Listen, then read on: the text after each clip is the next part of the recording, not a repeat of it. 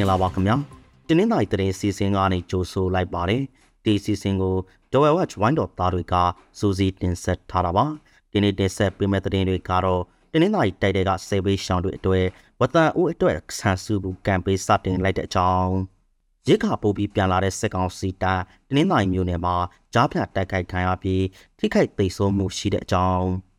တဲချောင်းမျိုးနယ်ထဲစစ်ကြောင်းထိုးနေတဲ့စစ်ကောင်စီတပ်က ရင်းငယ်ရွာကနေငါလိုသူမိထရှုပ်ခဲ့တဲ့ချင်းနေ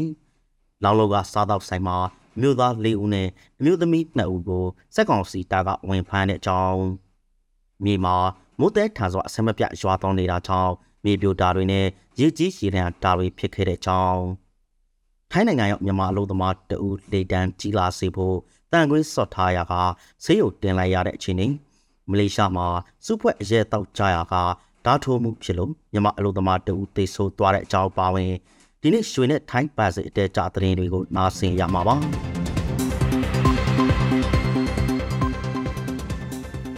တင်းင်းနိုင်တိုက်တဲ့ကစေဘေးရှောင်းကူညီစောင့်ရှောက်ရေးအဖွဲ့6ဖွဲ့ပူးပေါင်းပြီးဝဒန်ဦးအတွက်ဆန်စုဘူးအမည်နဲ့ online campaign တစ်ခုကိုမနေ့ကစတင်လိုက်ပါတယ်။မိုးရသည်မှာစေဘေးရှောင်းတွေစားနပ်ရိက္ခာဖူလို့စေဖို့အတွက်ဒီ campaign ကိုလှုံ့ဆော်ကြတာလို့ဆိုပါတယ်။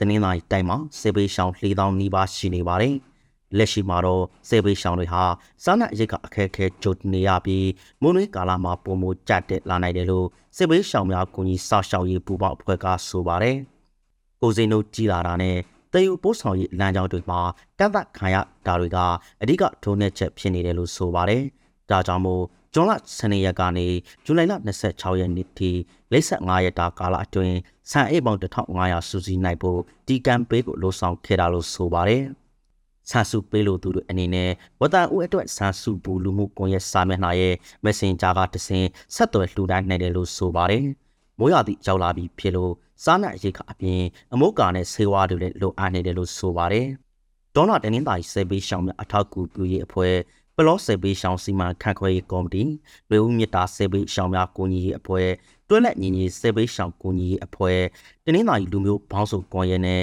တင်းင်းတိုင်းအခြေစိုက်ចောင်းသားသမဂ္ဂများကွန်ရက်တို့ကဒီကမ်ပိန်းကိုပူးပေါင်းလှုပ်ဆောင်ကြတာပါရစ်ခါပိုးပြီးပြန်လာတဲ့စက်ကောင်စီတာဟာတင်းင်းတိုင်းမျိုးနယ်မှာမနေ့ကကြားဖြတ်တိုက်ခိုက်ခံရပြီးထိခိုက်ပေဆိုးတာတွေရှိခဲ့ပါတယ်။ တေတော်ရွာရှေ့တန်းစခန်းကိုရှေ့ခါပိုးပြီးပြန်လာတဲ့အင်အား40ကျော်ပါတဲ့စက်ကောင်စီတပ်ချီလင်းစစ်ကြောင်းဟာကျွတ်သေးကိုရွှာနဲ့တောင်ပေးကြမှာတိုက်ခိုက်ခံရတာပါပြည်သူ့ကာကွယ်ရေးတပ်တွေက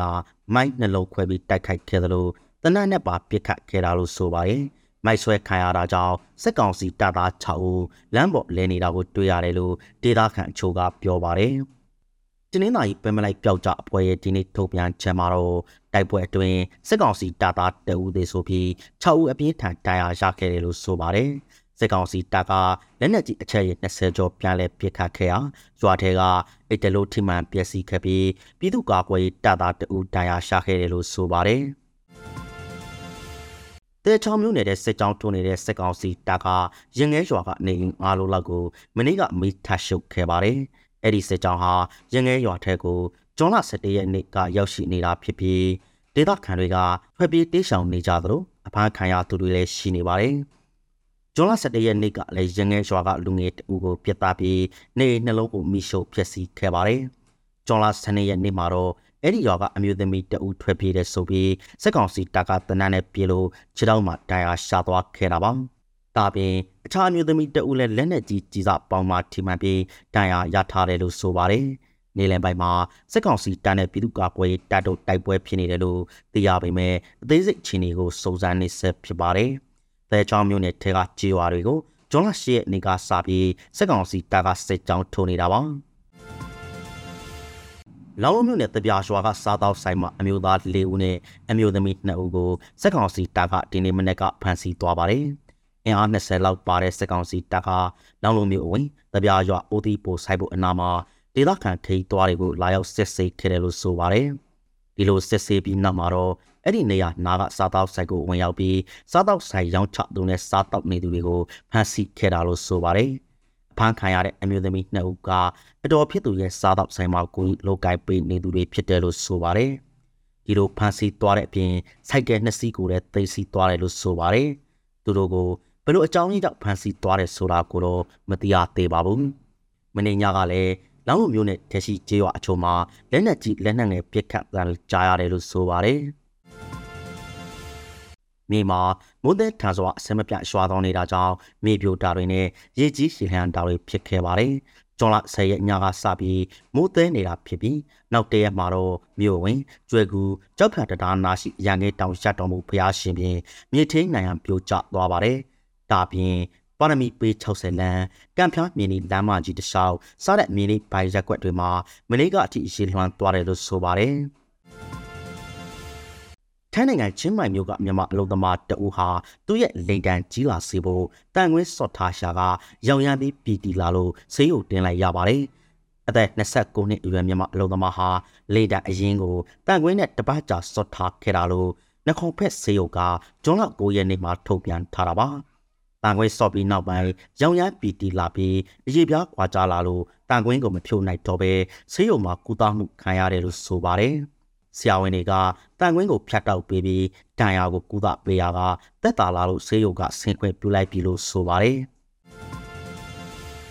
မလေးရှားနိုင်ငံပညာပြည်နယ်မှာစုဖွဲ့အရက်တောက်ကြရကအချင်းများပြီးဒါထိုးမှုဖြစ်လို့မြန်မာအလို့သမားတအူသိဆိုသွားပါတယ်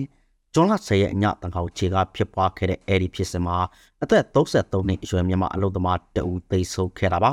အဲ့ဒီမြန်မာအလို့သမားဟာပရိဘောကစေယုကအလုပ်ဖို့ကြိုက်ပဲအလုပ်သမားတူအပေါင်းရင်အလုပ်ရှင်နဲ့စုဖွဲ့အရက်တောက်ကြတာလို့ဆိုပါတယ်။ဒါနဲ့ထိုးခဲ့တဲ့ဆိုတဲ့အလုပ်သမားကထွက်ပြေးလွန်မြောက်နေပြီးကြာအလုပ်သမားနှစ်ဦးကိုတော့အခြားမျိုးတွေမှာဖမ်းမိခဲ့တယ်လို့ဆိုပါတယ်။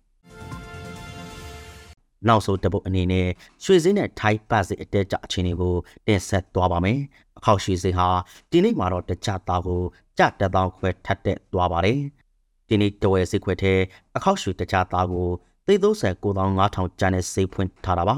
ထိုင်းဘတ်စီလေတဲရပြလာပြီးထိုင်းငွေတစ်ပတ်ကို85ကျပ်စောစောပေါက်စေးရှိနေပါတယ်အခုလိုနားဆင်ပေးခဲ့တဲ့တွေ့ကျေးဇူးအထူးတင်ရှိပါတယ် မြန်မာနိုင်ငံသူနိုင်ငံသားများကပ်ပြီးပေါင်းကနေအများဆုံးလွန်မြောက်နိုင်ပါစေလို့ Joel Watch ဝိုင်းတော်သားများကစုမော်ကောင်းတောင်းအားပါတယ်ခင်ဗျာ